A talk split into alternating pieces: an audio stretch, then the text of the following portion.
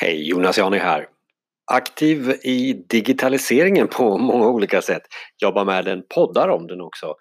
Eh, här i den här podden och i podden Effekten. Effekten som har funnits där i snart två år och där vi pratar om digitaliseringen. Det är många ämnen, eh, men ett ämne som vi har landat vid ett antal tillfällen och kommer göra det även i framtiden är innovation vad är det egentligen och vad skapar det för fördelar? För någonstans här runt innovation och alla andra buzzwords så är det väl det här ordet som ger oss fördelar eh, på, på ett sätt som kanske inte teknik eller verktyg kan göra. Det handlar om kreativitet, det handlar om digital innovation om det så finns ett sådant. Eh, vi får lyssna till eh, Tobias Dexell vi får eh, också prata med eh, eh, en, en, en, någon som har lite mera syn från ett större perspektiv, Andreas Sjöström.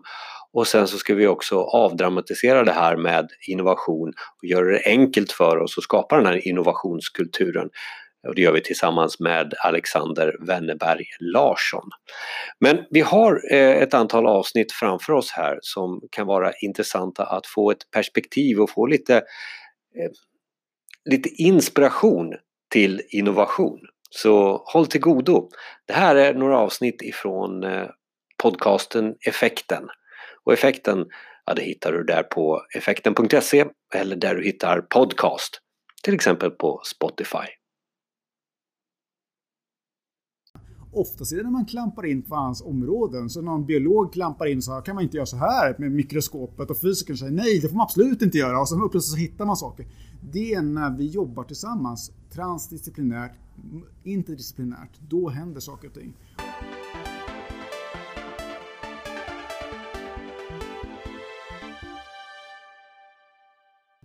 Välkommen till Effekten!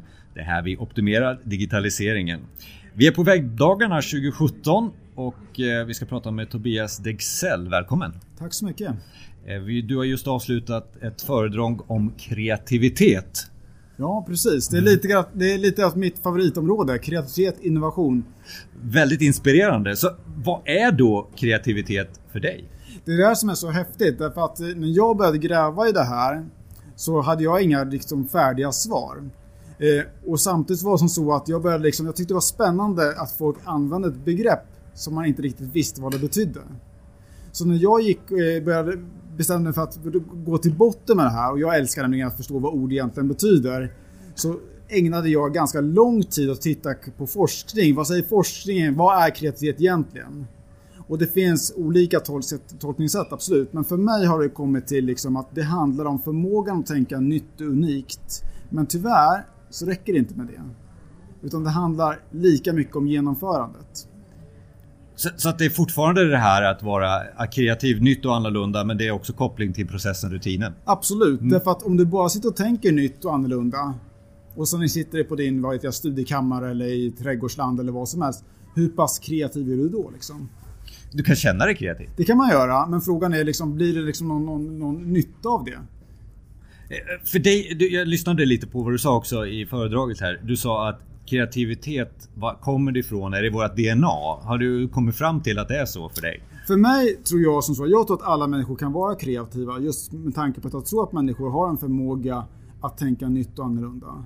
Och jag tror också att människor har en förmåga att genomföra det hela. Men det krävs någon form av knuff.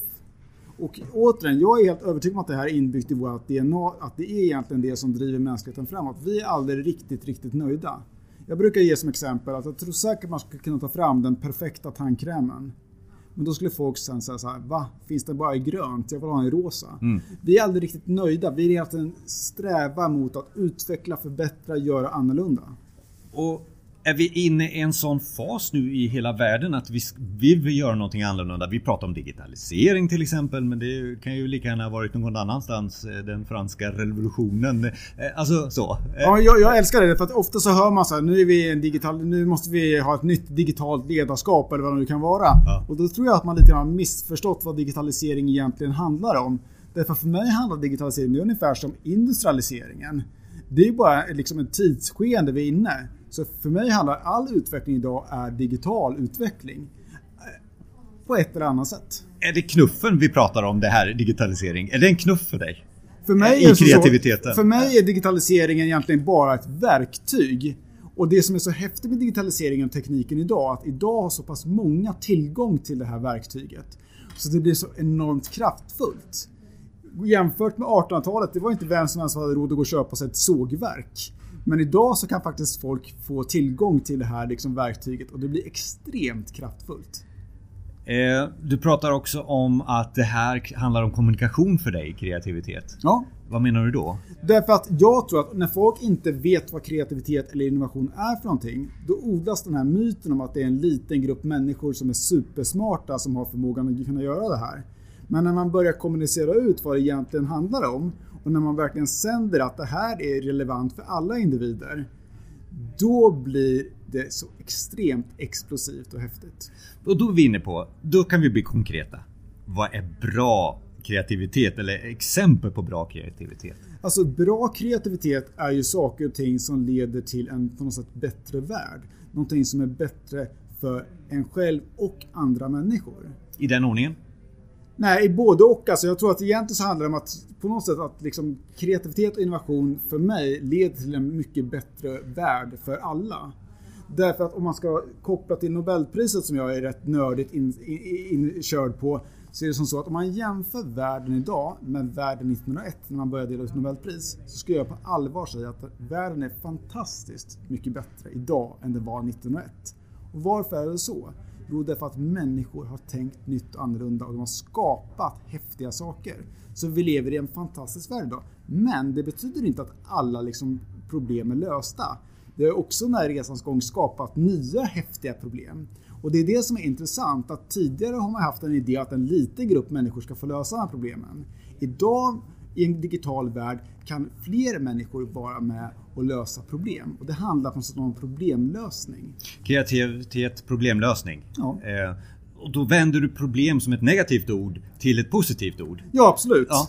Ja, Jag älskar problem. Alltså det är det jag går igång på. Ju mer, ju mer komplicerat desto bättre. Eh, konkret, bra exempel på, på, på, på eh, kreativitet. Är det några sådana eh, projekt du är inne i nu som, som det här var ett lyckat? Ja. Kreativitetsprojekt. Nej men det är alltid, man är alltid så insnöad på det absolut senaste. Men förra veckan så var jag och föreläste i Bryssel för Europakommissionen. Och då pratade man om hur hackar vi integrationsprocessen för flyktingar? Och för mig är det ett ganska viktigt eh, område att arbeta kreativt kring. Därför att det jag då inser är att oavsett vad vi än gör, om vi sitter och gör ingenting så är det här kostar extremt mycket pengar. Vi kan inte välja bort det. Och samtidigt så sitter folk och gör just ingenting. Vi måste tillsammans ta fram nya smarta lösningar. Och naturligtvis, det handlar inte om att ta fram en lösning som ska lösa hela problemet.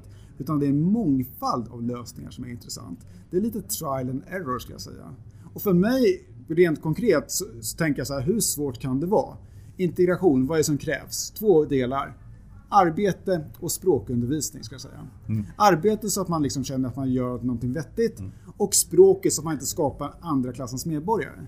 Och det som är intressant är, varför slår man inte ihop det här? Varför ska SFI sitta och ha svenskundervisning? Varför ska Arbetsförmedlingen fixa jobb? Varför kan man inte liksom dra igång ett, det man slår ihop? Ge folk svenskundervisning på fikarasten, lunchrast. Ratea dig i en Uber-app efter ett halvår. Så här, så här, arbetsinsats 3 plus, språkkunskaper 2 plus. Det är en lärandeprocess. En förändringsprocess, eh, förändringsledning. Eh, men alltså du touchar väldigt mycket kreativitet mot innovation också. Ja. Därför jag tror som så att det blir ingen innovation utan kreativitet. Det är väldigt viktigt att förstå också. Men all kreativitet leder inte fram till innovation. Kreativiteten är en grundförutsättning för att innovation ska kunna skapas. Men det finns andra faktorer som gör ifall det blir en idé som bara, eller en uppfinning som egentligen aldrig går någonstans. Och det, finns, det har med timing att göra och andra faktorer. Så när, när man pratar digitalisering återigen då, så är det ju ett ämne som, som någon har satt upp som är så, oh vad svårt det blev nu Ja. helt plötsligt. Ja, för mig är det inte det. Utan det återigen, det, återigen, det handlar om hur vi börjar kommunicera. Vad är digitaliseringen? Och det jag ser är att folk ja, men de förstår inte riktigt vad det är. Och då kan man tänka sig, är det egentligen ett kommunikationsproblem? Att vi varit dåliga på att förklara? Ja, av, av lite olika skäl. För det kan ju också vara som så att om man sitter på någonting så har man ju oftast kanske ett egenintresse. Jag gör det lite komplicerat så verkar jag lite smartare. Eh, istället för att liksom förklara det enkelt. Och jag brukar säga så att man verkligen förstår någonting. Det är först när man kan förklara det för människor som inte riktigt förstår. Och jag har som grundregel, om jag kan förklara någonting för typ en 12-åring och det kan vara kvantfysik och sådär, ja men då fattar jag det. Bevisligen, jag kan inte kvantfysik så det är helt kört för mig. Men återigen, det är så man ska se det. Om man inte kan kommunicera vad det egentligen är, då är man ingen expert på området. Att börja med kreativitet eh, är ju att sätta upp ett, ett problem framför sig också. Eh, jag har tagit digitalisering som ett konkret exempel här. Eh, man kommer in i ett rum som oftast är väldigt stelt. Mm. Hur gör vi då för att ta sig in i det här rummet på ett på ett bra sätt? Har du så här, ja vi har, jag har den här metoden, tar vi den här? Eller, eh, eh nu ska jag hålla ett föredrag så ni blir inspirerade? Eller, eh. Nej, och det är det här som är så intressant att det finns en så här mytbild att nu måste vi strukturera utifrån gamla liksom, normer och regler. Så här, nu är det en riktig arbetsuppgift, 8 till 5. Nu checkar jag in på jobbet klockan 8, nu ska jag sitta i rummet och lösa problemet. Och det man då har helt missat är att innovation och kreativitet går inte att styra så här rent tidsmässigt. Människor är kreativa och innovativa vid helt olika tillfällen i livet. Ibland kan man kläcka en supersmart idé och till och med en lösning på problemet när det inte är arbetstid. Och då blir det problem när folk säger att jag är ledig, då ska jag inte tänka på jobbet. Jag slutade för säkert 5-6 år sedan att göra en uppdelning mellan fritid och arbete. Det är för mig samma sak. Men då handlar det om att hitta nya metoder att fundera på hur ska jag kunna agera där? Uppmuntra till, till innovation, uppmuntra till kreativitet. Precis. Ja. Därför jag tror att om man ska lösa problem så räcker det inte bara att sitta liksom i ett rum och arbeta metodiskt och effektivt bara. Det kan vara en väg att gå. Men det är en kombination. Det handlar om att vara ute, träffa andra människor, lyssna i andra branscher och så vidare. Och min erfarenhet att människor är ytterst obenägna på att röra sig man trivs ganska bra i sitt rum och klurar lite grann där och så kör man fast och så vidare. Och det kanske inte är så kul men man tycker att det är helt okej.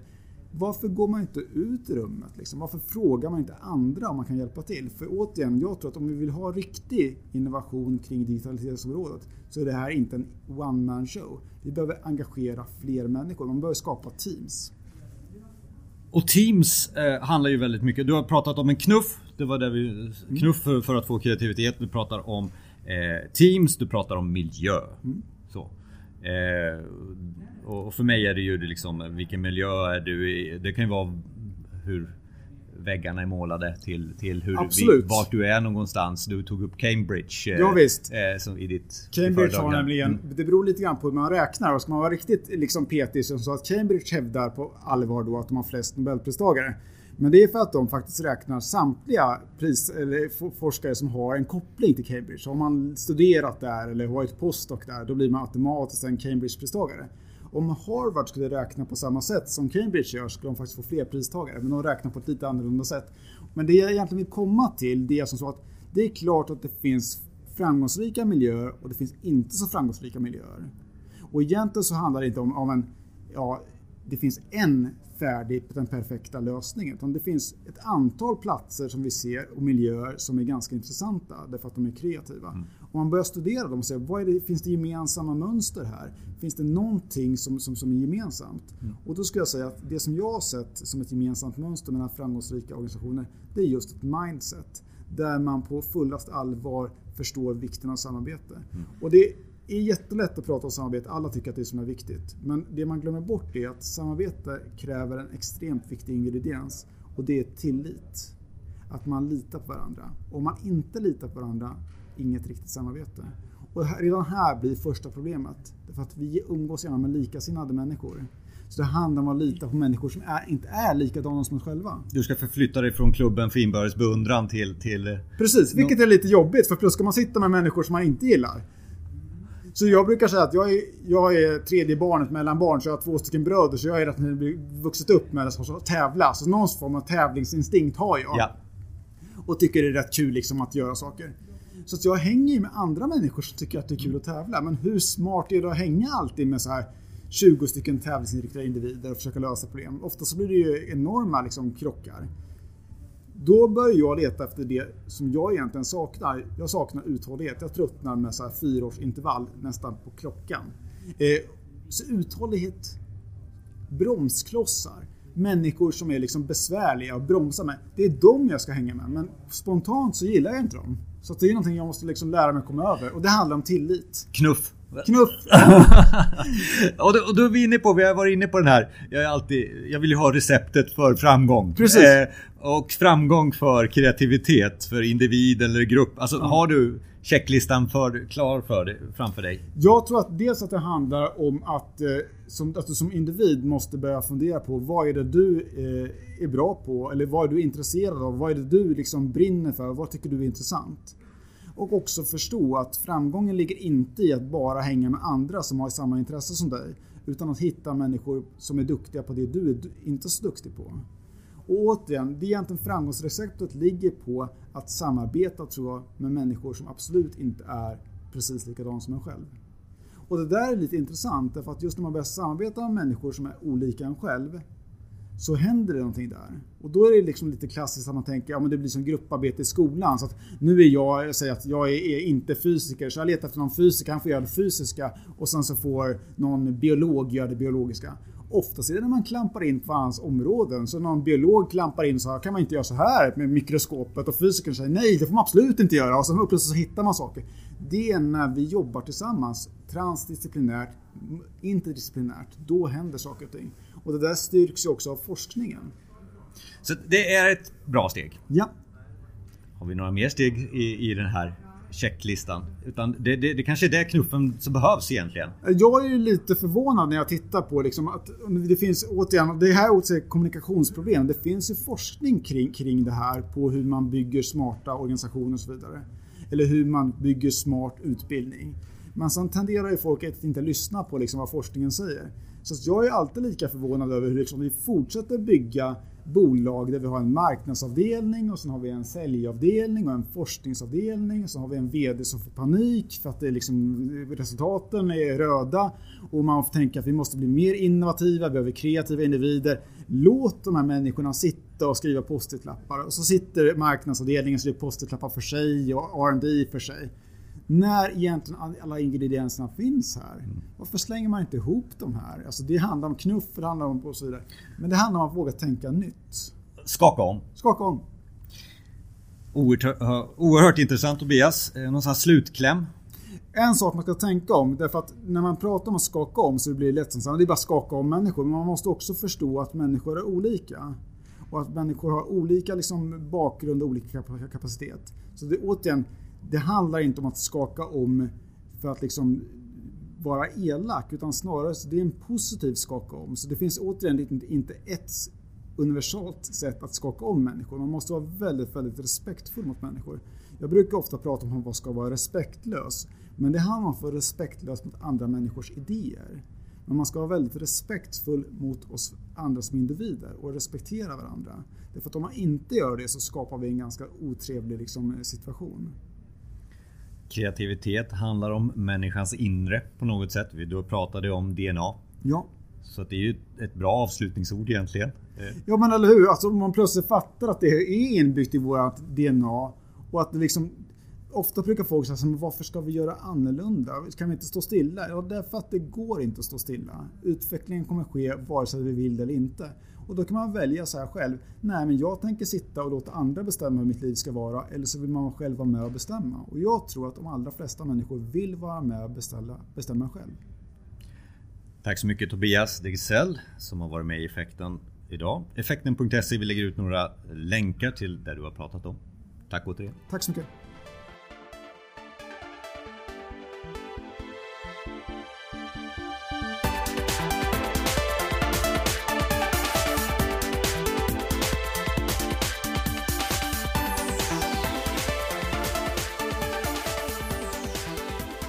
Tack för att du lyssnade. Vi finns för dig som är beställare, konsult eller intresserad utav digitaliseringen. Dela med dig av frågor och kunskap till oss.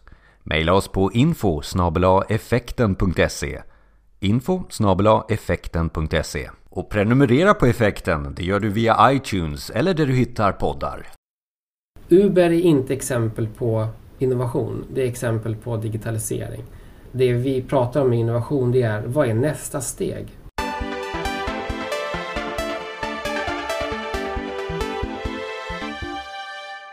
Välkommen till Effekten. Jag är Jonas Jani. Det här är podden som optimerar digitaliseringen åt dig. Och idag välkomnar vi Andreas Sjöström. Hallå allihopa! Andreas som jobbar med digitalisering och idag ska vi prata om innovation. Så vad är då digital innovation eller innovation för dig Andreas? Um, för mig och ifrån det perspektivet som, som jag har och då är bakgrunden att jag haft förmånen att ha arbetat med många företag och organisationer internationellt. Um, det är att innovation är nästa stora steg, nästa stora fråga som vi fokuserar på i digital transformation. Men digital transformation är ju många eh, inne på nu och, och tar på, på det. Och, och, det kanske är så att man pratar om digitalisering mm. men man skulle kanske ha fokuserat på transformation och nu så är det innovation. innovation. Ja. Är det korrekt uppfattat från min sida? Ja precis. Det, det, är, det är den utvecklingen som vi ser. Om om en grundläggande frågeställning i digitaliseringen och i transformationen, om en grundläggande frågeställning är eh, denna. Hur ser en digital version ut av min organisation? Om det är den grundläggande frågeställningen. Eh, då är frågan om innovationsförmågan helt central. Eh, det företaget som är skarpast, vassast, det företaget som har bäst förmåga eh, att leverera rätt produkt och rätt tjänst idag och i framtiden är det företag som är bäst på innovation. Så att det här med att ta sitt papper och göra det digitalt, glöm det. För att då är du inte en spelare i framtiden. Nej, och det, jag skulle bygga vidare och gå ännu längre. Om, vi, om vi pratar om digital transformation ifrån ett Mm, kanske då för ett ögonblick ett tekniskt perspektiv eh, och pratar om en digital plattform. Eh, vad, vad, vad krävs det i en digital plattform för att lyckas med en digital transformation eller en förändringsresa för organisationen? Då har vi en gemensam modell i branschen mm. eh, och den, den modellen definierar fyra fundament som plattformen måste ha. Den måste ha moln, måste ha cloud. Den måste ha mo mobil, mobil åtkomst, den måste ha mobila aspekter. Den måste ha en stark analysförmåga. Eh, och den måste integrera väl med de nya sociala nätverken och de nya slags sociala mötespunkterna med, med kunder och, och anställda. Så där har vi liksom de fyra grundpelarna. Idag är det så här att att eh, de, de flesta företagen och organisationen, eh, organisationer i, i egentligen alla branscher idag eh, har eh, åtminstone en ansats och en uppfattning och en strategi och i många stycken också en implementation runt de här fyra områdena. Det är inte längre en differentieringsfråga. Att, att ha en molnstrategi eller att vi har lyft ut vissa tjänster i molnet, det är inte längre differentierande. Utan den, den viktiga frågan från ett differentieringsperspektiv idag det är vad är innovativt? Mm. Vad är nästa steg? Vad är nästa stora liksom, våg av nya produkter och tjänster? Och för mig då så låter det som att vi har väldigt många organisationer och individer som befinner sig på den här tidlinjen på olika sätt. Det är väldigt brett nu. Det är de som knappt har börjat med sin resa i transformationsroll. Och sen är det de som har gjort hela sin transformation och så står och pratar med, med någon som dig Andreas och säger så här Ja men kommer du med något nytt då? Mm. Det är det nya jag vill ha. För jag har ju redan gjort det du, den här checklistan som du nyss ja. har. Ja. Är, det, är det där vi är med innovation? Det är där vi är med innovation. Och jag tror att det här är en av eh, drivkrafterna varför genomsnittsåldern på börsnoterade företag världen över är snabbt på väg ner. Genomsnittsåldern minskar. Det betyder att gamla företag dör och försvinner därför att man inte eh, har, eh, ska vi säga, i eh, tillräckligt hög hastighet eh, genomgått en digital transformation och man är, man är sent på bollen i frågan om innovation också ja, man är fortfarande i stuprör i organisationen och etc. etc. Men det, det, låter ju också som att eh, du pratar om eh, de här Uber och de här vanliga exemplen som kommer upp. Det är inte det vi pratar om här nu nej, i innovation? Nej, nej, nej, det är det inte. Det är det inte. Jag, jag skulle säga att de de exemplen, det är, inte, det är spännande hur fort det här går, men de exemplen hör på något sätt till en tid eh, där, där vi behövde, ska jag säga, exempel på digitalisering. Um, Uber är inte exempel på innovation, det är exempel på digitalisering. Eh, och det, det vi pratar om i innovation det är, vad är nästa steg? När vi tittar tillbaks och och, och, och minns när Uber eh, eh, lanserades eh, och vi minns och vi tyckte det var så eh, spännande och så banbrytande. Eh, och så kommer, vi, så kommer vi stå inför helt nya typer av möjligheter och utmaningar i, i framtiden. Men när, när någon säger innovation till mig så, så måste jag vara kreativ känner jag. så här, Oj, nu måste jag bli kreativ. Eh, då, då, då är det enklare att kanske jobba vision. Är vision och innovation, är de nära varandra i, det här, i ditt sätt att se på det? Både ja och nej. Um, och det är, här som, det är här som innovationsförmågan är viktig. Um, för om du lägger för stor vikt och tyngd på, på visionen. Uh, du jobbar med den, målsättning och vision. Um, hur bra är du då på det som är en in, inbyggd, ett inbyggt karaktärsdrag i innovation, nämligen kaos? Mm. Du, hur kan du ha en vision om det som är svårt att förutse?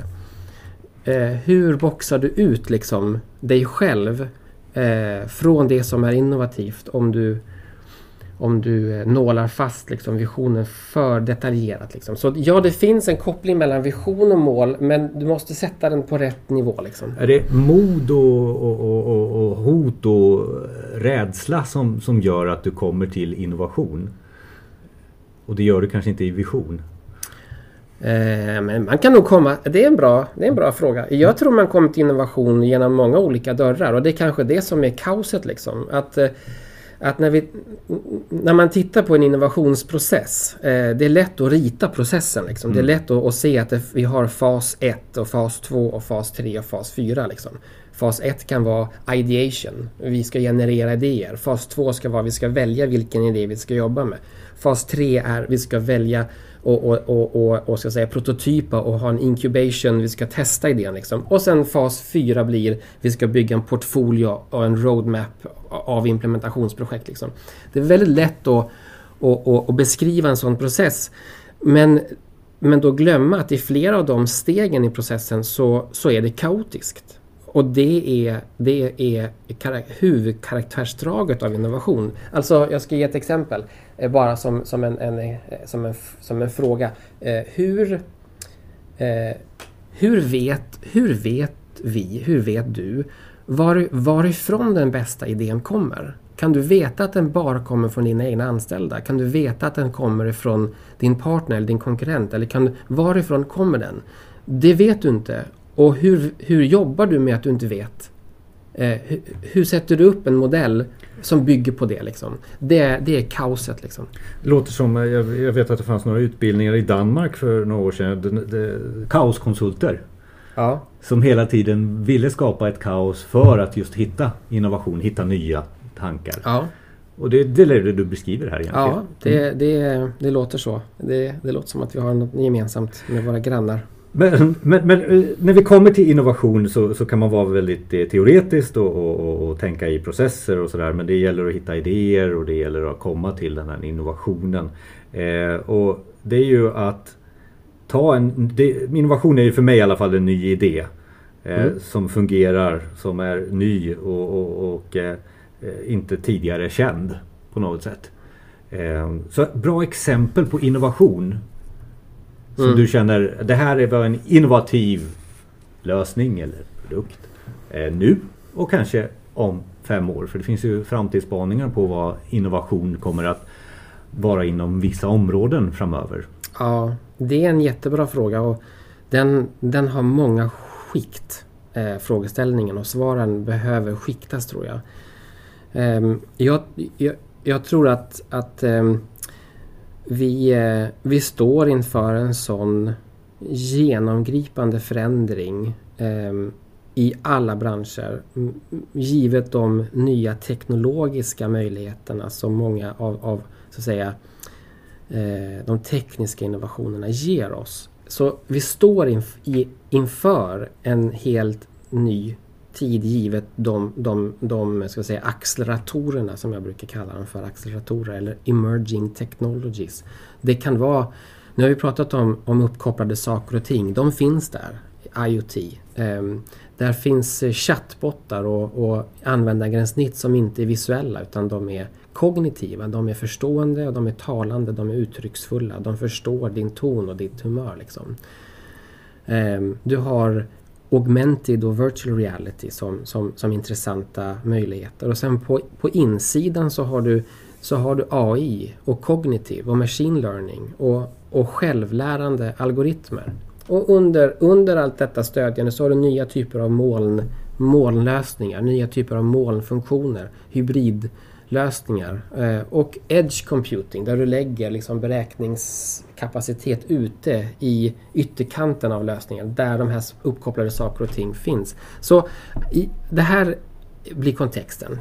Då har vi en, en, eh, en miljö, en situation där vi har nya pusselbitar att lägga pusslet med. Um, vad är då bra innovation? För mig så är, är, är bra innovation, givet den här, de här nya möjligheterna, um, lösningar på problem som mänskligheten har stått inför under lång, lång tid. Det kan handla om samhällsuppbyggnad. Det kan handla om svårlösliga alltså sjukdomar som vi inte har svar på. Ehm, jag, jag satt i, ehm, i, i juryn eh, för andra gången i, i Sveriges största hackathon som gick av stapeln för ett litet tag sedan. Hack for Sweden. Och, och i Hack for Sweden så, så tävlar man i ett dygn eh, i, eh, i ett sammanhang där 30-tal myndigheter eh, kommer dit med sina öppna data, sina API-er. Och så är frågan, vad kan, vad kan vi göra för samhällsnytta, medborgarnytta, nytta för människor och för vår natur och miljö, för, för de nyanlända svenskarna som har kommit hit, eh, flyktingar. Eh, vad kan vi göra med öppna data för att göra livet bättre? Eh, ifrån den tävlingen så, så, så, så vinnaren hittade ett sätt att kombinera, kombinera data, skogliga data, eh, på ett sätt som inte har gjorts tidigare, som gör det möjligt att att eh, värna om skyddsvärd skog som man inte kunde värna om på det sättet tidigare. Eh, när man gör en avverkningsanmälan och så kombinerar man det med, med, med datakällor som beskriver hur den här skogen är, är så att säga sammansatt och så får vi ett varningssystem.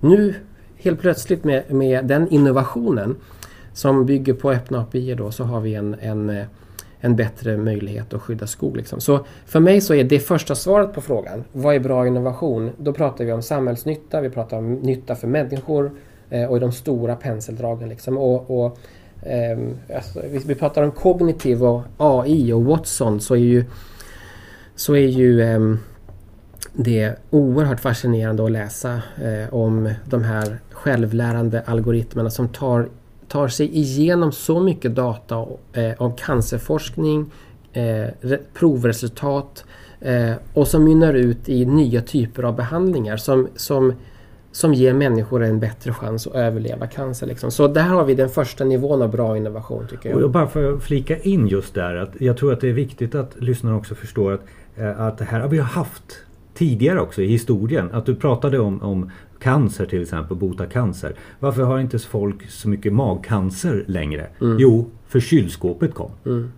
Ja, exakt. Ja, och precis. Det, det, är liksom, det behöver inte vara svårare än så, tänker jag, nej. I, i, abstraktionen här. Nej, mm. ja, men det, vi, ska, vi ska ta lärdom och, och, och eh, dra insikter ifrån vår historia. Eh, vi, ska, vi ska inspireras av av den. Eh, I, I ditt exempel där, där vi som människor och som innovatörer, kreatörer prioriterar att applicera ny teknik för det goda och för gott. Till exempel att, eh, att hitta nya nya botemedel eh, mot allvarliga sjukdomar. Det tycker jag vi ska absolut fokusera på. Det är första, det är första nivån. Den andra nivån blir ju då helt plötsligt kanske lite mer plastig om vi ska, om vi ska liksom jämföra. Men då handlar det ju om lönsamhet. Alltså det handlar ju om att företag behöver bli mer lönsamma och kan bli mer lönsamma med innovation.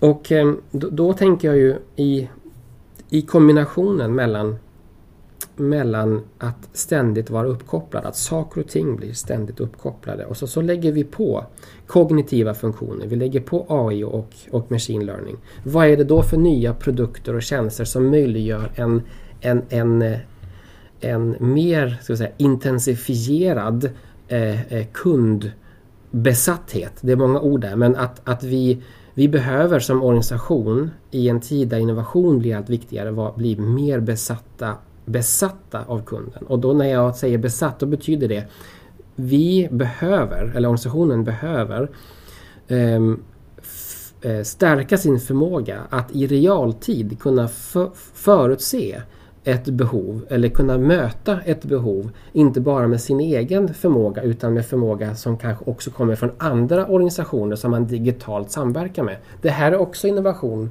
eh, och exempel på bra innovation det är när företag digitalt samverkar med varandra och att det sker helt dynamiskt. Det krävs inte några manuella eh, processer för det eller, eller liksom kuvert, brev, papper utan det, det, sker, det sker digitalt och i, i, i realtid. Eh, så att dela kunskap eh, eh, handlar det om i det här också. Ja. Eh, vara öppen för att vara i en sån miljö också. Precis. Ehm, så det innebär också vart man är någonstans på jorden. Eller vart man, var, var, var man har sitt företag. Ja. Ehm, är det nära till universitet kan vara en fördel. Ja. Är det nära till mer pengar så kan det vara en fördel i det här. Är det mera företag som har samma typ så är det det. Så blir kluster, ja. klustret viktigt också. Ja, klustret är viktigt. Eh, klustret är viktigt eh, absolut, eh, i, absolut i ett innovationsperspektiv. Eh, vi har ju en, eh, en, eh, en satsning som går under namnet Applied Innovation Exchange. Och det är en satsning som idag har mynnat ut i 11 innovationshubbar runt omkring i världen där den centrala hubben är i San Francisco. Och, och anledningen till varför den är i San Francisco är just på grund av det ekosystemet mm. av innovatörer och av nya snabbrörliga startups och det finns en ekonomi som är liksom riggad för att värdera och testa nya idéer. Liksom. Så jag tror att, eh, att eh, närheten till, till de klustren blir, blir allt, allt viktigare. Det är ju den underliggande trenden generellt också att vi pratar mer om urbanisering än om globalisering tror jag. Mm. Eh, och det, det, finns en bok som heter Smartest Places on Earth. Där går man igenom det här med connectors och, och fokus och dela kunskap och det är magneter och det är hot och rädsla som vi nämnde tidigare här också som, som, genererar väldigt mycket innovationstänket. Då. Eh, men jag sitter här som individ, jag sitter här som organisation. Och sen så, så, så lyssnar vi här och jag ska bli innovativ för jag får överhuvudtaget få följa med in i framtiden, mm. låter det som. Mm. Eh, hur gör jag? Vart börjar jag någonstans? Mm. Det, är en, det är en bra fråga. Alltså, det beror ju på var, alltså, var är din startpunkt nå, någonstans. Jag, eh, häromdagen så, så träffade jag VDn för ett stort svenskt internationellt börsnoterat företag eh, i, eh, i retail. Eh, och när jag tittade på, på deras uttryck i digitala kanaler. Jag tänker webben, appar, deras produkter och så vidare. Så, och jag läste årsrapport och deras, deras reflektioner om, om digitaliseringen. Så är det ett företag som ligger väldigt långt framme. De har, de har strategin, de har visionen, de, de har en innovationsprocess, de prövar nya saker. Um, om det är startpunkten, då, då är det ett svar. Eh, för många organisationer så är, så är kanske inte det startpunkten utan man har kanske egentligen inte börjat kanske till och med. Man har inte börjat. Ehm, då, då, då tycker jag en bra startpunkt är att, att ställa sig den här grundläggande frågan. Om vi bygger om vårt företag, alltså om vi bygger om det. Vad är den digitala versionen av det företaget? Hur ser det ut liksom? Eh, och om jag ska konkretisera det eh, ett steg till. Eh, era produkter och era tjänster, hur digitala är de?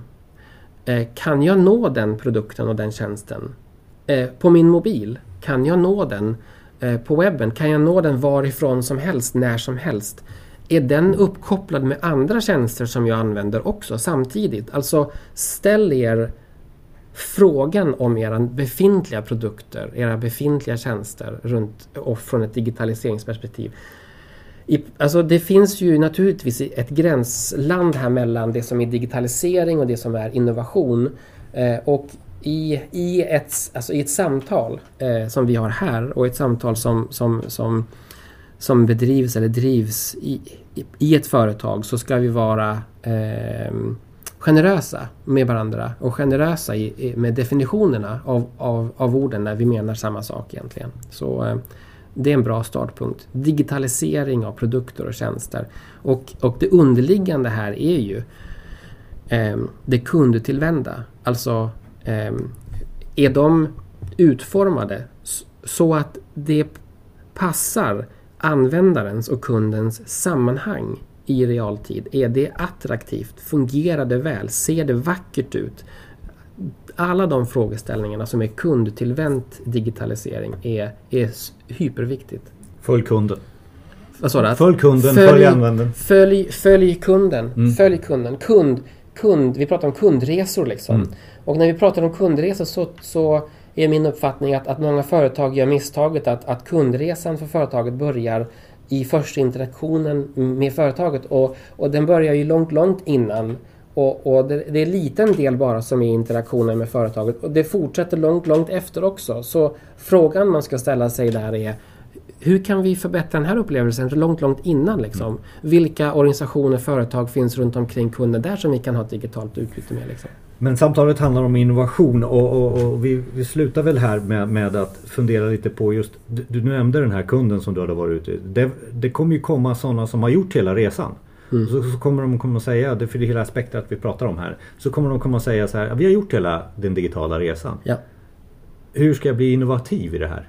Ska jag bli matad uh, av innovatörer? Eller hur blir jag själv Innovations... Innovationsledande. Ja, precis. Hur blir jag innovativ här, liksom? Nu, det ja. låter som att jag måste, nu helt plötsligt måste jag bli ja. kreativ. Eller, ja. eller så här. Det kan ju inte bli på beställning. Nej. Det måste man ju ta i steg såklart. Mm. Och det tycker jag är så spännande hur de här stegen kan se ut. Um, för eh, Eh, alltså frågan är ju jättebra ställd därför att den utgår ju på något sätt ifrån en slags målbild. Där målbilden är vi vill att vårt företag ska vara innovativt. Alltså dess kultur. Det ska vara en innovativ kultur. Om jag jobbar med, med i kundtjänst eller i produktutveckling eller om jag jobbar på HR eller om jag jobbar var någonstans nu jag än jobbar liksom. Så vill vi att det innovativa ska genomsyra vårt sätt att tänka. Vi ska, vi ska vara nyfikna. Vi ska vara frågande. Vi ska vara optimerande och fråga kan vi innovera här? Kan vi göra någonting på ett radikalt annorlunda sätt som är till gagn för kunden. Så det är ju, om det är mål, målbilden, dit kommer man inte eh, från dag ett. Ehm, ett, ett vanligt, alltså en vanligt sätt att ta första steget det är att att ehm, etablera en, ehm, ett, eh, en, ett innovationslabb. Det behöver inte nödvändigtvis vara ett dedicerat team liksom, och det är de som jobbar med innovation. Men du har en plats, du har ett forum. Du, du börjar prata om innovationsprocess, att det faktiskt är en process. Hur ser den ut? Hur jobbar vi öppet eller stängt med den innovationsprocessen? Och, och som de inbyggda ska säga, egenskaperna i en sån process som till exempel hur skapar vi en prototyp? Eh, skär vi den horisontellt eller vertikalt? Eh, om man ska titta på den här MVP-triangeln. Liksom. Eh, hur, hur snabbt måste det gå från att vi har definierat idén till att vi prövar den på kund? Alltså den frågan, den är ju så här, superintressant. Många företag sitter och slipar och slipar på idén eh, liksom, i labbet och, och, innan man vågar visa kund. Men jag tror när vi pratar om in, som innovationslabb och, och, och, gå mot en innovationskultur så är just närheten till kunden jätteviktig. Att man innoverar tillsammans med kunden. Och, och en annan berättelse som, som jag vill bara tangera lite grann här med, med innovation eh, och kontext. Liksom. Och, och eh, när du frågar hur ska man göra då? Så, så är sammanhanget jätteviktigt. Alltså sammanhanget i vilket du, du presenterar innovationen eller idén. Um, många gör just det misstaget att man, att man testar en ny idé på kammaren liksom. Eh, bakom stängda dörrar och så ser man om det funkar eller inte. Eh, och, och, och, sen så, så, tror man att det kan få någon effekt och man kan dra några slutsatser på det. Ehm, när vi gjorde det här experimentet med SAS, eh, jag tryckte in ett chip i handen, ett NFC-chip eh, i handen och, och sen så filmade vi eh, en, en, kort video hur det såg ut när jag passerade genom flygplatsen utan ett pappersboardingkort eller telefon utan jag hade eurobonusnumret i, i chippet eh, eh, eh i handen. Eh, så, eh, så fick det eh, jättemycket reaktioner, det experimentet. Ehm, det hörde av sig journalister från Die Welt i Tyskland, från Wall Street Journal, från Toronto, Times of India. Det var som globalt så blev det oerhört mycket uppmärksamhet. Ehm, och då ska man veta att, att den idén och att göra det det var inte jag först med. Vi var inte först med ett chip i handen och testa NFC. Det är många, många år sedan. Men när man tittar på hur de idé, alltså hur den idén där då presenterades så var det ofta någon, någon ensam eh, innovatör, typ testare i köket som, som, som visar kolla det, det funkar när jag funkar med min telefon här i köket liksom. Och det är ingen som bryr sig om den personens kök liksom. Men om man sätter idén i sammanhang på flygplatsen eller på gatan, på torget eller något, så framför kund visa och så får du vad som kallas för i innovationsmetodik för ett wow-test wow-testet. Får, får jag ett wow av min idé, i så fall så har vi i alla fall en, en check liksom på idén. Det finns väldigt mycket runt om i innovation. Är det någonting så här på slut så här som du känner att det här ska jag också lyfta fram gällande innovation? Ett bra tips eller ett bra exempel? Ja, jag, jag tror att eh, det är några underliggande drivkrafter som man ska mappa upp liksom och, och vara ori väl orienterad omkring. Eh, det, det, det, handlar ju om de här acceleratorerna. Eh, egentligen alla av dem. Eh, vi pratar om, för att ge exempel då igen, om IoT, om chatbots, om AR, om VR, om kognitiv, om machine learning och så vidare. A alla dessa är oerhört enkelt att komma igång med. Det, det tröskeln är låg. Så det finns ingen ursäkt att inte vara hands-on och välorienterad. Liksom. Så det är mitt, det är mitt, det är mitt första liksom, tips. Mappa in dem i det du arbetar med. Och min, min andra då, om jag skulle, om jag skulle konkludera, sammanfatta med den, så, så, är, det, så är det A och O att eh, innovera tillsammans med användaren, tillsammans med kunden. Eh, och, och, ehm, och, utsätta idén för riktiga tester. Alltså funkar det? Är det ger det de effekter som vi vill uppnå? Liksom? Då, då är det två bra parametrar i innovationsarbetet. Andreas Sjöström, det har varit ett intressant samtal. Tack så mycket. Vi kommer lägga upp lite länkar på effekten.se till där du har pratat om mm. här också. De goda exemplen och även lite processer och, och, och så. Ehm, Effekten eh, är tillbaka med ett nytt avsnitt inom kort. Tack återigen Andreas. Mm, tack ska ni ha. Tack, tack så mycket.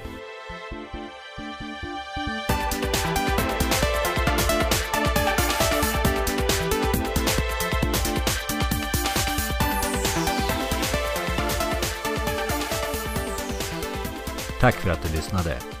Mer avsnitt finns på effekten.se, bland annat om design culture, GDPR, Office 365 konflikt i projekt och IT-säkerhet. Vi vill höra från dig. frågor och synpunkter? Maila oss på info effekten.se.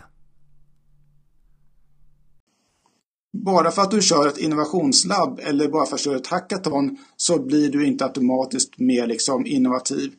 Utan det är verktyg som du kan använda dig av för att driva fram både digitalisering och innovation.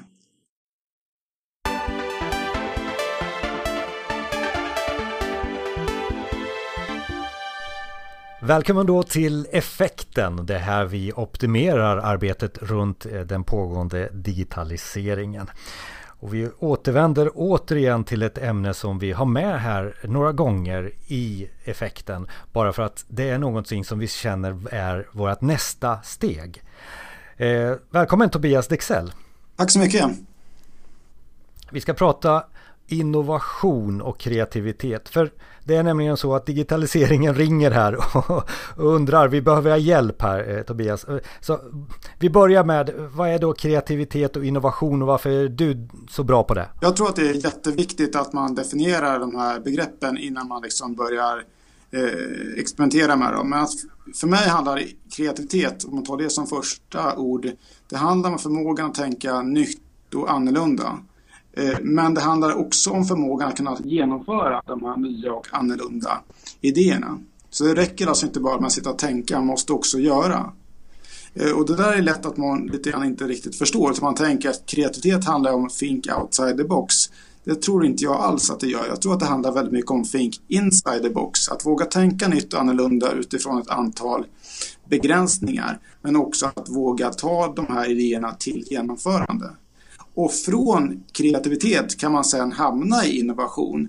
Eh, och det har ju att göra med att innovation, då måste den här idén eller saken som man har tagit fram leda till någonting som marknaden ändå vill ha och efterfrågar.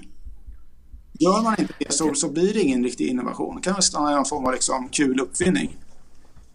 Men är, är det individer vi är ute efter som är innovatörer och kreatörer? Någon som du som får oss att eh, gå vidare? Eller en hel organisation eller är det hela samhället vi, vi, vi måste prata om när vi pratar kreativitet och innovation? Ja, det vore lite förmätet av mig att säga att jag alltid är den här personen som man ska vända sig till. Men jag tror att ibland så kan jag vara den personen som man eh, kan vända sig till. Eh, fördelen med att vända sig till mig, det är att jag är konstant rastlös, aldrig riktigt nöjd, har en vilja av att rö alltid röra mig framåt. Vilket på något sätt gör att jag blir aldrig riktigt den här specialisten utan snarare generalisten som har varit i väldigt många verksamheter och områden och någonstans samlar mönster som jag tar med mig till nästa område som jag kommer till. Så jag är ungefär som det här biet eller humlan som rör sig mellan olika blommor och förhoppningsvis lyckas pollinera någonting. För att nu kommer vi till ett exempel. Vi pratar om för min del och det jag jobbar med är ju digitaliseringen och jag känner att det, det handlar om att företag och organisationer som kommer till mig nu, de känner att de är färdiga med sina verktyg, de är färdiga med sina processer, de kanske till och med är färdiga som de anser då med digitaliseringen. Så de frågar, vad är nästa steg? Vad, vad, vad kommer vad kommer vi, hur kommer vi vidare? Och då är det inte det här digitala transformationen vi pratar om, utan då är det kanske innovationen. Men, vad, vad menar de? Alltså, eh, kan de inte hjälpa sig själva? Måste de ha hjälp med innovation och kreativitet? Ja, det här, här är ett bra exempel på fördelen med att vara just den här generalisten som, som, som inte är specialist på de här digitala verktygen. Därför att det blir väldigt lätt hänt att man fastnar i att tänka att nu har vi skaffat de här verktygen. Vi har kört ett antal hackathons och vi driver ett antal innovationslabb och det ena och det andra. Och återigen, svaret finns att det är bara verktygen. Bara för att du kör ett innovationslabb eller bara för att du kör ett hackathon så blir du inte automatiskt mer liksom innovativ. Utan det är verktyg som du kan använda dig av för att driva fram både digitalisering och innovation. Säger du att det är en quick fix att köra ett hackathon alltså? Eh, jag tror att om man tror att ett hackathon ska lösa alla ens problem eh, då är man enligt min, min, min, enligt min mening ganska naiv för att det, så fungerar inte den innovativa processen. eh, det är inte en quick fix vi letar efter utan vi letar efter eh, ett långsiktigt eh, strategiskt arbete på hur man driver den här typen av förändring. Och då kan ett hackathon vara ett av flera verktyg som man skulle kunna använda sig av. Och jag, vet, jag har lyssnat på dig tidigare och då du pratar om olika typer utav eh, värden eller olika saker som man behöver ha runt omkring sig. Och eh, nu tar jag kanske lite över det här men jag har läst den här boken The Smartest Places on Earth och där handlar det om att man, man har rätt ekosystem, man har rätt fokus, man har rätt kunskap, man, man har kunskapscenter Eh, man är nära en huvudstad. Eh, det är väldigt mycket sådana här eh, om och men och kanske om du har alla de här då är det receptet för ett bra ekosystem för innovation och nya saker. Du har säkert andra sätt du har sett som är bra recept. Ja, det här är lite roligt. Inte, det låter lite mm. kopplas tillbaka till den här quick fix-lösningen. Alla letar efter det här hemliga receptet eh, som tydligen ska finnas där, där, där då man får någon form av förändring. Och jag tror inte att det är så enkelt. Jag tror, dels så tror jag att det finns en, en mängd olika recept. Men lägger man de här recepten bredvid varandra så kommer man återigen, tror jag, se ett antal mönster. Det vill säga att om du vill ha en riktig liksom, förändring så är det här ingen liksom, enmansshow. Det kräver någon form av samarbete. Eh, någon form av liksom, ekosystem. Eh, dessutom också som så att ett annat vanligt fel som många gör det är att man ofta tänker att man ska liksom, lösa de här extremt svåra problemen eh, direkt. Och det fungerar ju inte heller utan det handlar ju väldigt mycket om att våga bryta sönder de här problemen i mindre enheter. Låta fler vara med att, eh, och prova sig fram och eh, experimentera och eh, ta fram nya lösningar. När du eh, pratar så pratar du också om kopplingen till Nobelpristagare och att det kommer fler Nobelpristagare ut ur Cambridge än det kommer ut från de italienska eh, eh, gamla, gamla universiteten. Eh, så. Ja, men alltså, det här med undervisning och det här, det är väl inget bra recept för innovation och Nobelpristagare i framtiden? Eller? Ja, så här är det. Alltså, jag har ju en bakgrund. Jag jobbade ju över åtta år på Nobelmuseet som intendent eller så kallad curator.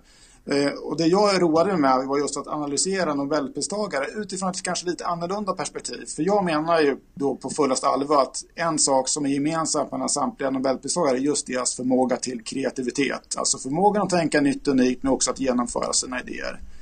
Och här blir det intressant, för om man då börjar räkna platser i världen som genererat många Nobelpristagare, då kommer man, precis som du var inne på, mycket riktigt se att Cambridge har genererat väldigt många. Om man ska vara riktigt exakt så är det 98 Nobelpristagare nu utav 923. Och då är den stora frågan, varför gör de det?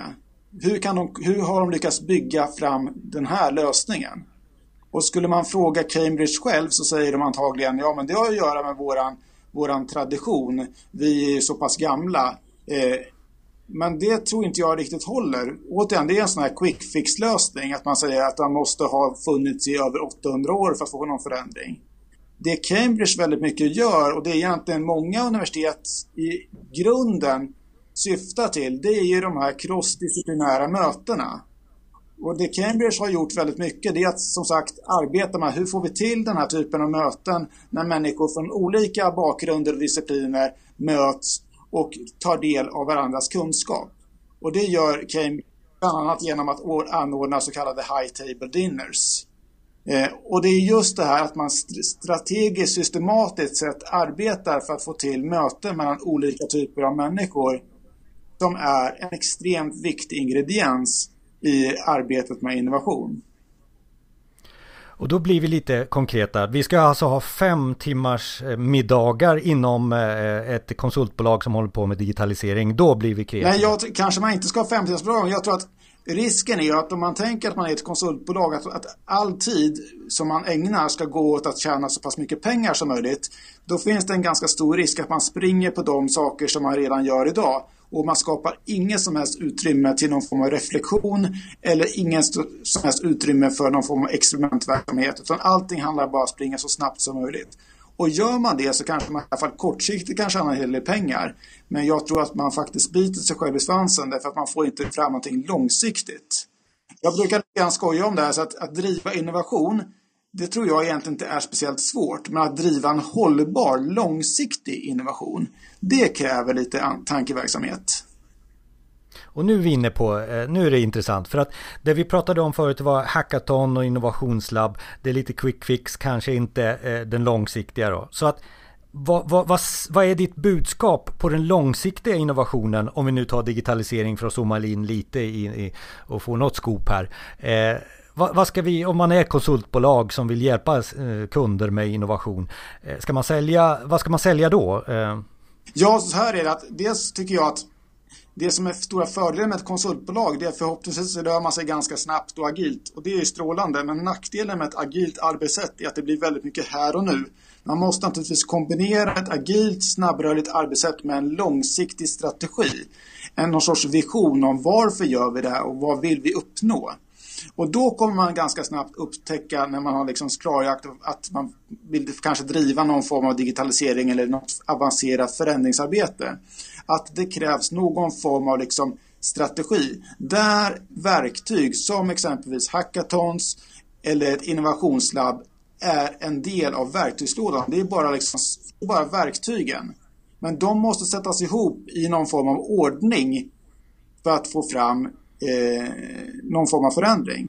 Och hur den ordningen ser ut, det är det som jag tycker är konsultfirman eller bolagets eh, det, det, det, är någonting som man kan liksom diskutera tillsammans och försöka få fram någon form av struktur.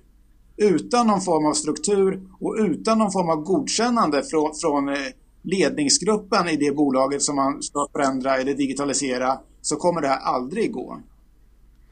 Så att ett bolag, som ett, ett företag som idag vill vara innovativa, kanske startar en ett innovationsavdelning med ett antal personer och sen så ska de innovera till hela företaget. Det var en dålig idé då? Eller? Ja, jag tror, eller speciellt om det är det enda sättet som man tänker att det här digitaliseringsarbetet ska fortgå genom att man gör det. Då tror jag att, att eh, det är en ganska stor risk att, att man inte kommer lyckas överhuvudtaget.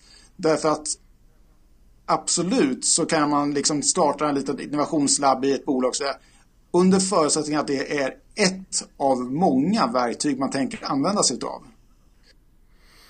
Och, och, nu tänkte jag förstås att fråga här på, på slutet efter den ultimata checklistan. Men jag har förstått på ditt svar tidigare här att det handlar om små bitar som man får sätta ihop utifrån sina egna förutsättningar. Men det är inte en sak man ska satsa på utan flera. Nej, och jag, jag har faktiskt laborera ja. med det. För jag mötte någon tidigare som sa att att kreativitet plus risktagande blir innovation i någon slags eh, formel. Och så hade vi ett samtal kring det där jag sa att det där stämmer inte riktigt. Därför att dels då tycker jag att då har man missförstått vad kreativitet är. För kreativitet förutsätter ett risktagande. Det vill säga att när man tar en ny annorlunda idé till verklighet så tar man en risk. Så att kreativitet och risktagande det hör ihop. Så jag skulle säga att kreativitet plus experimenterande plus att man mäter eh, kan generera innovation. Ja men det är väl en formel. Alltså kreativitet, experimentera och mäta och, och, och, mätande, och repetera. Alltså det är extremt viktigt att man inte bara springer omkring och som sagt återigen, kör ett litet labb här eller kör hackathon där. Gör jättegärna det, men för guds skull börja mäta. Liksom, vad, vad, vad, vad blir resultaten av det här? Eh, och då blir det lite spännande för då kanske, måste man, då kanske man måste börja mäta på lite annorlunda sätt. Då kanske det inte bara är KPI som ska mätas, utan det är andra saker. Men om man glömmer bort mätandet då tycker jag att då har man helt tappat idén varför man gör ett experiment. Man gör experiment också för att få ut mätdata. Kreativitet, okej okay, det är okänt för kanske en del. Experiment, ja det är okänt för en del. Men det, de, de greppar de. Men, men om, vi, om vi fastnar på mäta, skulle mäta då kanske vara en attitydundersökning på anställda eller kunder? Är det det du menar? Ja, alltså börja samla in data. Alltså dels börja våga prova nytt och inte bara prata om det utan verkligen börja göra det. Våga göra mer testverksamheter, prototyping, experimenterande, men också börja samla in mätdata. Ungefär som en traditionell naturvetenskaplig Nobelpristagare, det vill säga man sitter i sitt labb, man gör experiment, man skriver ner sin mätdata. Och utifrån den här mätdatan så kommer vi kunna liksom förhoppningsvis röra oss framåt. Och företag som man träffar som kanske har några år på nacken också. Eh, det är ju många av våra eh, företag i Sverige som är väldigt gamla, 400 år och kanske mer. Eh, de, ser ju att den här resan kommer och de vill göra precis på samma sätt som de alltid har gjort med, som de kallar det här då, verksamhetsutveckling. För det, det, de tar det under verksamhetsutveckling, anser jag. Så att hur, hur ska de tänka? För att vi, vi kommer dit och så säger vi så här. Om ni inte hade, och så säger vi de största produkten som de har. Vad hade ni gjort då? Ja. Så de, de, är rätt trötta på att höra det tror jag. Det tror jag också. Lite grann så tror jag att det är inte, man ska någonstans, tycker jag, inte bara sitta och fokusera på produkten utan vad är det egentligen man tillhandahåller? Vad är det liksom för behov som man egentligen löser? Eh, och det gör man antagligen via den här produkten. Och då, jag brukar alltid rekommendera, ja, men fortsätt göra som ni brukar göra i, i de nio fall av tio. Men i det här, eh, ni, det här eh, en av tio, börja driva igång lite intressanta liksom, sidoprojekt. Där någonstans där ni kan liksom börja mäta, testa, experimentera och det är där någonstans ni framtidssäkrar er verksamhet. Alltså jag tror att när man drar igång den här typen av projekt så måste det ändå finnas någon form av liksom någon form av struktur. Så är, man kan inte bara liksom kasta upp någon sorts lite, för då blir det här liksom think outside the box. Man måste någonstans som bolag våga säga så här, vilka områden tycker vi är extra viktiga nu? Och då kanske man av naturliga skäl kommer fram till att digitalisering är nog ganska viktigt för oss. Och om man vågar vara riktigt ärlig mot sig själv så kanske man inser att man kanske inte har kommit så långt som man skulle vilja. Och då blir det nästa fråga. Vad är det för typ av projekt som vi skulle kunna driva som gör att vi bättre omfamnar, omfamnar den digitalisering eh, som håller på att ske runt omkring oss? Jag brukar tillägga också att man ska göra en Nokia här. Alltså nu pratar jag Nokia, ja. Nokia innan. Alltså de gjorde gummistövlar och så blev det mobiltelefoner. Mm. Eh, är det en sån resa du, alltså nu pratar jag produkt igen, men det, det, det är massa kultur och sånt här också som du pratar om. Men är det, där jag, eh, är det den? Ja, jag tror inte att man ska fast... Det är väldigt lätt att man fastnar. Att nu har vi tillverkat gummistövlar så det är det enda vi kan göra. Eller nu har vi tillverkat mobiltelefoner, nu är det det enda vi kan göra. Det är någonstans att det handlar inte om att tillverka bara produkter. Det handlar om att göra någonting som är, är, är, är mer intressant. Ställa sig frågan, vad är det vi egentligen sysslar med? Varför? Och där, när man kan svara på den frågan, då kan man börja arbeta med att hur gör vi det på ett smartare sätt idag med hjälp av digitala verktyg.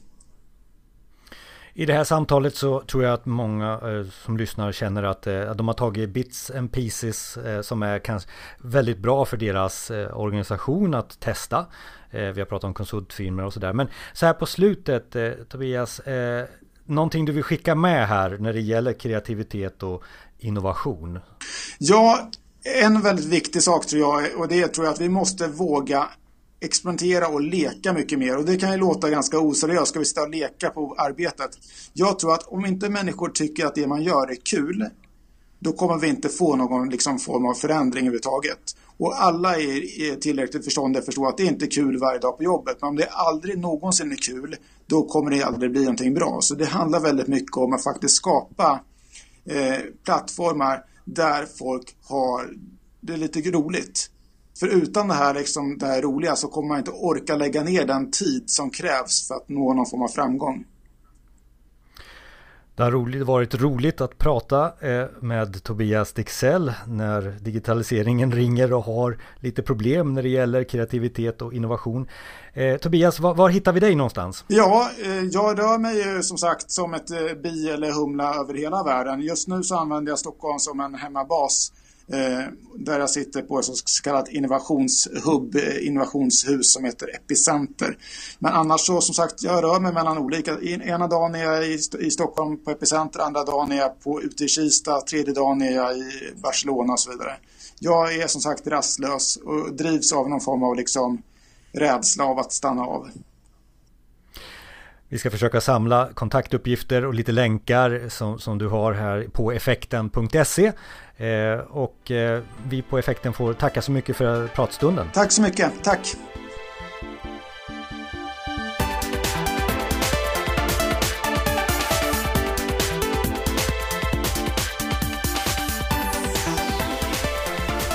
Och på effekten.se finns mer avsnitt och mer med Tobias Dexell.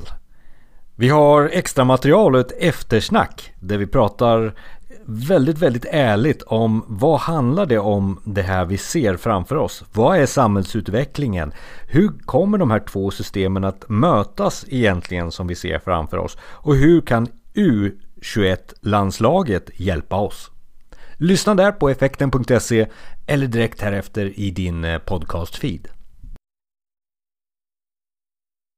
Hej, Jonas Jani här. Det här är digitaliseringens podd. Vi finns på de flesta ställena där du hittar dina podcast. Sök på effekten. Över 90 avsnitt nu med allting som rör digitaliseringen. Allt för dig som är beställare, konsult eller intresserad utav den pågående digitaliseringen. Och vi är också intresserade av vad som pågår. Har du tips och idéer om vad vi ska ta upp?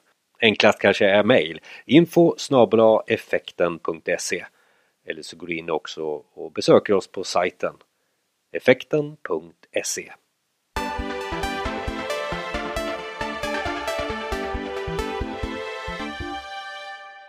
Välkommen till Effekten. Vi optimerar arbetet runt digitaliseringen och eh, idag pratar vi innovation.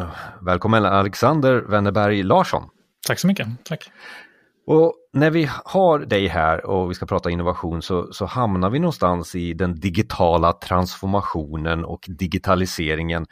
För dig som lyssnar eh, sitter mitt uppe i den och där står det också innovation av någon anledning som ibland man inte förstår sig på. Så Alexander, hjälp oss här. Vad är innovation för dig då till att börja med?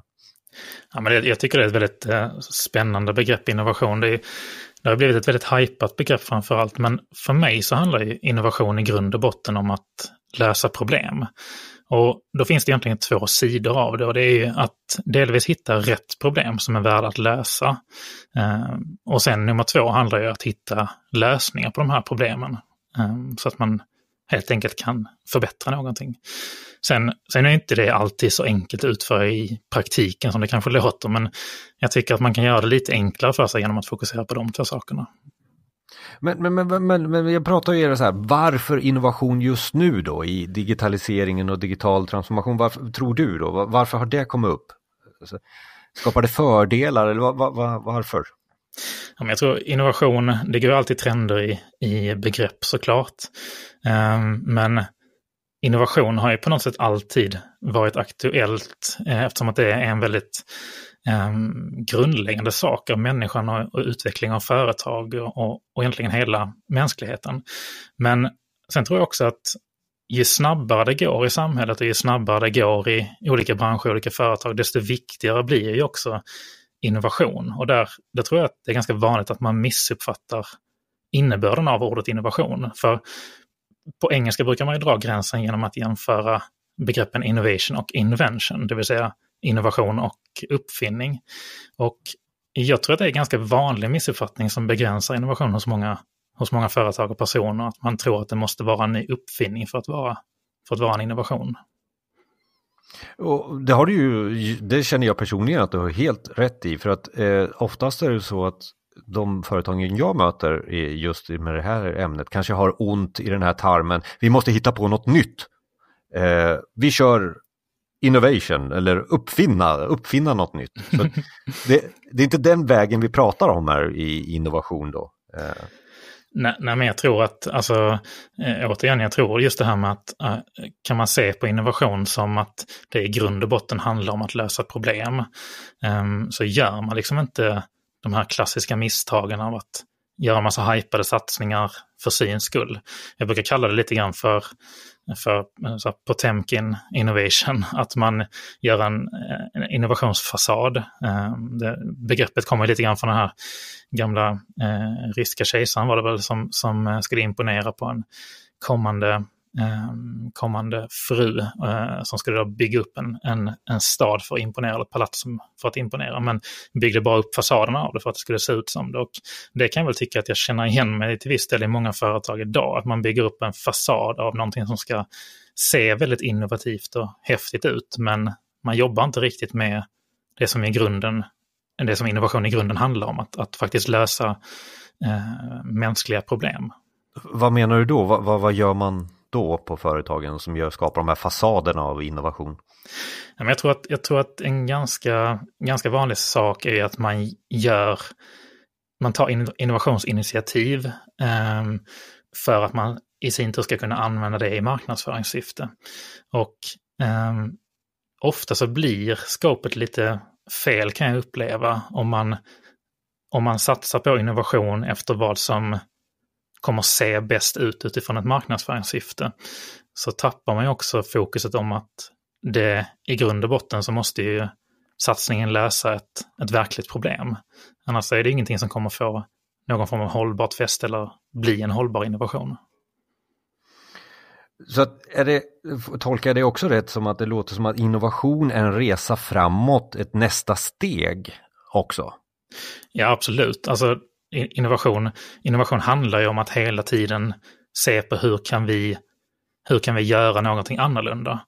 Eh, sen är det också viktigt tror jag att, att, inte, att inte se på det som att det finns någon form av slutstation i innovation. Eh, för det, det tror jag kan vara rätt tufft det där med, i, i början i alla fall, när man ska satsa på innovation i en organisation, att man, man vill gärna att det ska finnas någon form av tydliga stolpar, någon form av tydliga eh, målgångar.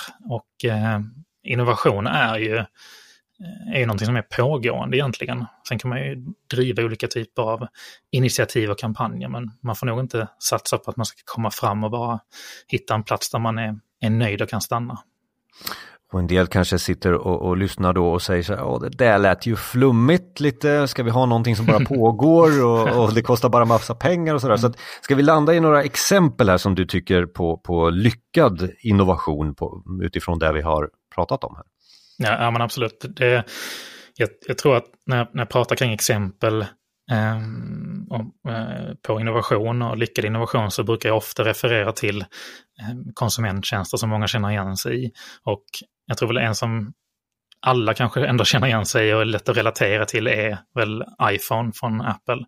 Och utmaningen med telefonerna när iPhone kom, eh, det var ju att de började innehålla mer och mer funktionalitet och de hade ju ambitionen om att kunna närma sig datorer med telefoner på den tiden. Och det gjorde att telefontillverkare som exempelvis Nokia eh, gjorde ju massvis av modeller för att kunna möta alla behov och kunna bygga på med alla fysiska knappar och tangentbord på mobilen. Medan hos Apple så såg man att man kunde lösa det problemet på ett annat sätt. Eh, nämligen genom att generera knappar i skärmen genom deras mjukvara. Så att istället för att behöva bygga hundra stycken olika telefonmodeller eh, där man byggde på med flera och fler fysiska knappar för att möta alla behov. Så kunde man i sin tur då mjukvaror generera de knappar som behövdes. Eh, och det kunde de då lösa genom en enda telefon. Så där skapar man sig fördelar eh, rent utvecklingsmässigt, funktionsmässigt, att man kunde lägga på funktioner snabbare. Det, var det innovationen i det här fallet? Ja, men innovationen tror jag egentligen var att, att, att man hittade ett annat sätt att göra det på. De försökte ju bägge lösa samma problem. Eh, och problemet var ju att konsumenterna och mottagarna av de här telefonerna som skulle köpa telefonerna av tillverkarna, de ville ju ha mer och mer funktionalitet och ville kunna göra mer och mer med sina telefoner. Och för det så krävdes det ju mer funktionalitet och mer knappar. Eh, medan de flesta tillverkare la till de knapparna, fler och fler fysiska knappar, så såg jag Apple att um, det, där, det där kan vi lösa på ett annat sätt helt enkelt. Genom att mjukvara generera knappar och funktioner som gjorde att man kunde anpassa sig till när man behövde de olika funktionerna. Um, och det kan ju låta som ett ganska banalt exempel så här i efterhand när vi har vant oss vid det. Men, men när iPhone kom så var det, var det helt omvälvande att, att eh, navigera på det sättet. Och oftast är det väl så som jag uppfattar innovation från mitt håll då att det, det, det är naturligt när man hittar e, en innovationsidé, alltså det blir så naturligt i utvecklingen oftast. Ja, speciellt, jag tror speciellt när man har kommit fram till, till själva slutlösningen om man säger så. Eh, sen, sen är det ofta, tror jag, att första gången man kläcker en, en idé som inte har gjorts innan, att det lätt kan låta som en väldigt idiotisk idé fram tills man hittar rätt version av idén, om man säger så. Har du några mer idiotiska idéer som är bra innovation? Ja, inte så många eh, sådana. Men, men jag tror alltså en, en sak som jag använder mig mycket av, som jag älskar, det är ju tjänster som Sunfleet och Drive Now och IMO. Jag, jag vill ju inte äga en bil. Och det har de, ju, de har ju löst delar av det problemet. För att för mig så skulle att äga en bil skulle mest innebära problem för mig när det kommer till tid och, tid och pengar. För jag skulle behöva hyra en parkeringsplats, jag ska köpa eller leasa en bil och sen så ska jag betala bränsle och försäkring och service och olika däck för olika årstider. Och sen så ska jag dessutom oroa mig över, över, över värdeminskningen över tid. Och det gör att det är inte värt för mig att äga en bil i den lilla utsträckningen då jag behöver en bil. Men samtidigt vill jag ändå ha en bil ibland. Och det har de ju löst till viss del genom att man kan boka eller bara plocka upp en bil genom en app. Och sen ingår allting för det per minut eller per kilometerpris man betalar under den tiden man kör. Sen tycker jag att det intressanta med den typen av lösningar det är ju att det skapar ju nya behov av, av alternativa lösningar för att i den typen av lösningar så finns ju uppstår utmaningarna och problem som kommer det finnas en bil ledig när jag verkligen behöver en? Eh, om jag skulle behöva bilen längre än vad jag har tänkt mig? Eh, är det någon annan som har bokat bilen efter? Hur ska jag då ordna det? Eh, och, och det är där nästa innovation kommer att behöva komma in. Och det är det jag menar lite grann med att innovation måste vara pågående. Um, man får liksom aldrig känna att nu är vi framme och nu kan vi stanna här. För att varje lösning skapar ju ofta möjligheter att, att lösa nya problem för, för mottagaren. Så, så där, i det fallet för dig, om jag tolkar det rätt, så, så har du ställt dig på tid och pengar, inte på tekniken och fordonet. Du vill A till B, du vill spara tid och du vill spara pengar. Man har alltså vänt fokuset på att du vill inte ha den glittrande bilen utan du vill ha en, en, en produkt som sparar tid och pengar till dig. Ja men verkligen. Alltså, I mitt fall så är jag ju tråkigt nog jag är ju otroligt ointresserad av bilar. Eh, eh, så jag, jag, jag, kan ju ingenting om bilar. Eh, sen vill jag ju fortfarande bekvämt kunna, kunna ta mig från A till B, precis som du säger, när jag behöver det. Och ibland så har man ju behov av, av att göra det genom en bil och inte genom kommunaltrafik eller cykel eller att gå. Eh, och då, då, då finns det ju lösningar på det idag. Det är väl Uber också ett exempel på, antar jag då? Ja men absolut, och de, det, det jag tycker att de eh, fokuserar mycket på att lösa, jag kan, kan nästan bli lite, eh, det är lätt att vara efterklok, men man kan nästan bli lite förvånad över varför inget, inget klassiskt taxibolag kom med den lösningen. Eh, när den i efterhand var så uppenbar. Men, men det är väl också det som gör, är, är charmen i innovation, att, att i efterhand så är alltid en lösning väldigt, väldigt uppenbar. Men eh, ehm, innan dess är det, är det ibland svårt att hitta, hitta vilket problem man vill, vill lösa för konsumenter eller användare. Men i sådana här traditionella branscher, är det när man går på innovation eller i det här fallet är det ju både att hitta någon, något nytt på befintliga processer eller vad det nu kan vara, måste man vara järv eh, som organisation eh, och lyssna på eh, idéer och, och, och testa? Ja, det, det, tror jag. Alltså det, det, tycker jag är en av absolut nyckelpunkterna i innovation. Att våga testa och våga, våga misslyckas. Um, det, det, finns ju ganska mycket forskning just kring det här med, att, med, med, med vad som skapar kreativitet. Och det är någonting som många företag kämpar med idag. Att de, man sitter kvar på, eh, på gamla modeller som, som bygger på en gammal sanning om vad som funkar. Och då, då, då mäter man ju också saker enligt en gammal modell när det, när det är framåt man vill och inte bakåt. Och här är väl också väldigt mycket det här att människan i sig kanske inte vill förändras heller. Vi har ju faktiskt tillverkat på det här sättet och då blir det så även i framtiden för jag har, tycker inte att jag vill ändra på mig. Nej men precis, och jag, jag, jag tycker att alltså, det, det är ett ganska skrämmande begrepp, det här med förändring och eh, utveckling och innovation. Men det är också ganska intressant när man tittar på allt det som är så fruktansvärt naturligt för oss att använda idag. Allt det har ju någon gång varit en, en innovation eller någonting nytt eller en förändring. Så jag tror att, jag tror att det är ganska naturligt att vara rädd för förändring som människa av, av bekvämlighetens natur.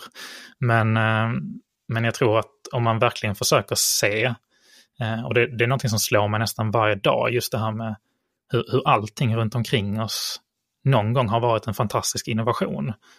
Eh, det, det, tror jag också kan, kan göra att man tänker på det som, som ett lite mindre dramatiskt eh, begrepp och lite mindre skrämmande. Vi är fortfarande stenåldersmänniskorna som har utvecklats vidare och mycket handlar väl om innovation?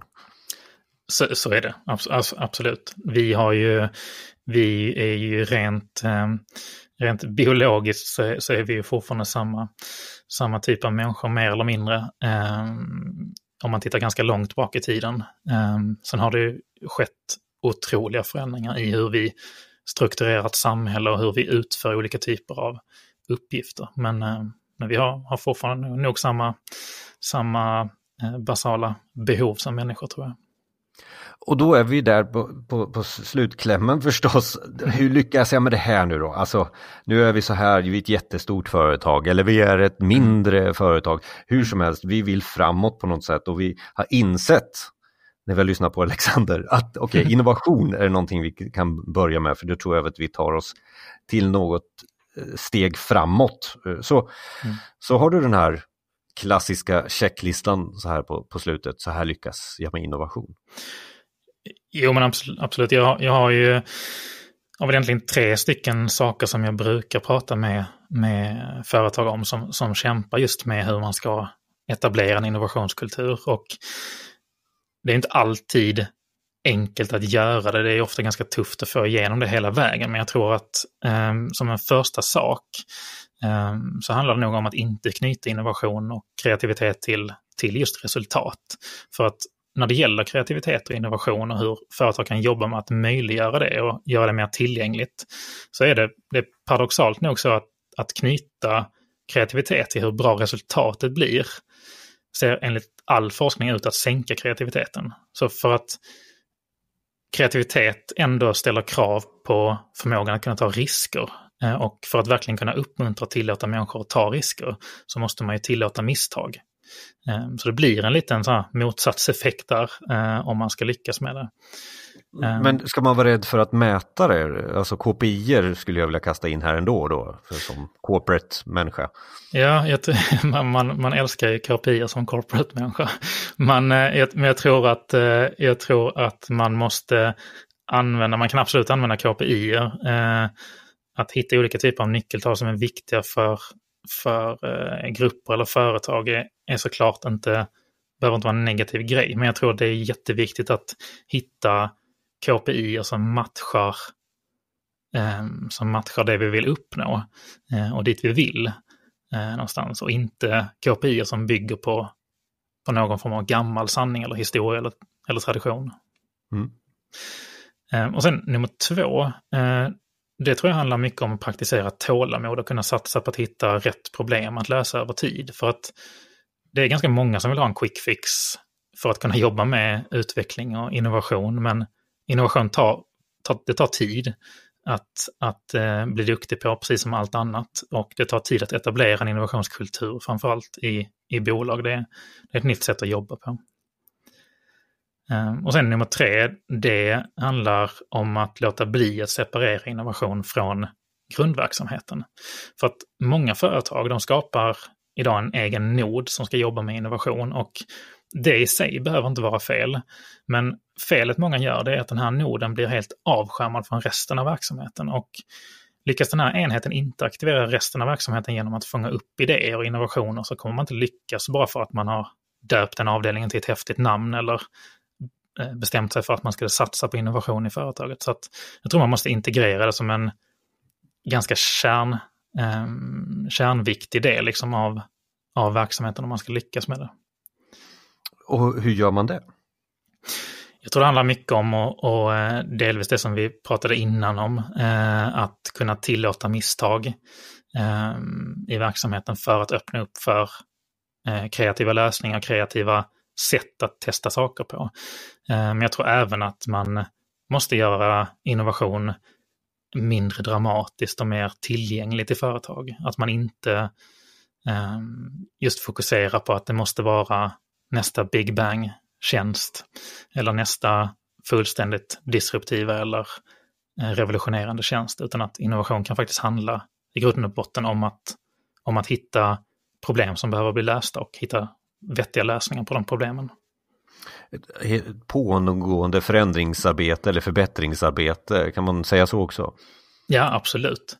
Och sen så, så tror jag att som, som person, eh, om man vill fokusera på att kanske bli bättre eller bli lite mer kreativ och fokusera på innovation, då, då tror jag att det handlar om att bli väldigt intresserad av att förstå problem.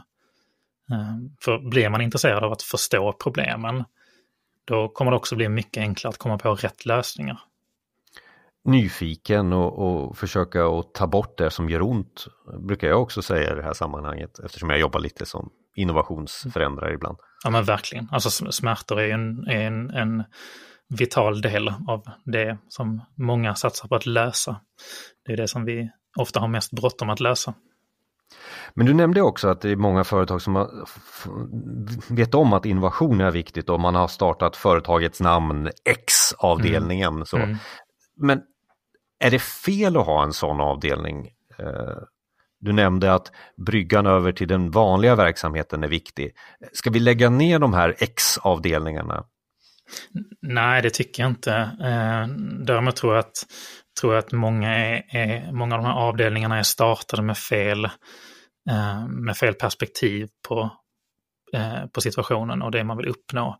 För att just precis det som du säger med att bolag X eh, som ofta bygger på inspiration från Googles dotterbolag Google X eh, som de startade för att jobba mer aktivt med innovativa tjänster och nyutveckling. Eh, så är det också många företag som har startat det med inspiration från dem. Men det som jag tycker är intressant det är ju att Google gick själva ut i höstas och definierade innovation genom att säga att innovation handlar i grund och botten inte om att starta ett innovationslabb eller någon eh, företag X, utan i grund och botten så handlar det om att etablera eh, en kultur av innovation i hela verksamheten som, som tillåter kreativitet och nytänkande och, och att göra misstag och testa saker. Så att eh, jag, jag, tycker absolut inte att man ska, man ska inte lägga ner de, de verksamheterna. Däremot så eh, tror jag att man behöver omdefiniera vad den typen av verksamhetsuppgift bygger på att faktiskt ta tillvara på resten av verksamhetens innovation. Så här på slutet Alexander så, så kommer vi ju nämna förstås att på effekten.se så lägger vi in länkar eh, och kontaktuppgifter både till dig och lite, lite av de här checklistarna som vi har pratat om här på slutet. Men är det någonting så här du vill trycka på speciellt när det gäller innovation så här på slutet? Ja, men då, då, tror jag nog det handlar om att liksom avdramatisera innovation. Jag tror att, jag tycker att innovation är någonting helt fantastiskt och det är någonting som har lett oss fram till det otroliga samhälle som vi lever i idag. Eh, så jag tycker att folk ska vara lite mindre rädda för, för begreppen som handlar om innovation och nytänkande och utveckling och istället fokusera på att eh, det i grund och botten handlar om att, om att eh, ta oss framåt och skapa någonting som är bättre. Har du redan nu några tips på vart jag kan läsa mer om innovation och, och mm, böcker eller något liknande eh, som, som, nästa steg? Eh, ja, men alltså, jag, jag tror att eh, eh, man kan alltid liksom kontakta eh, mig såklart ifall man vill det. Eh, vårt företag och hemsidan heter ju hives.co, alltså hives.co. Eh, och mig når man ju på alexander.hives.co. Um, ehm, och där finns ju lite grann och läsa där såklart. Um, men sen tror jag att det handlar om att vara, vara nyfiken och ha ögon och öron öppna efter vilka, vilken typ av, av uh, problem som man har runt om sig. Tack så mycket Alexander Wennerberg Larsson för att du var med i Effekten idag. Tusen tack.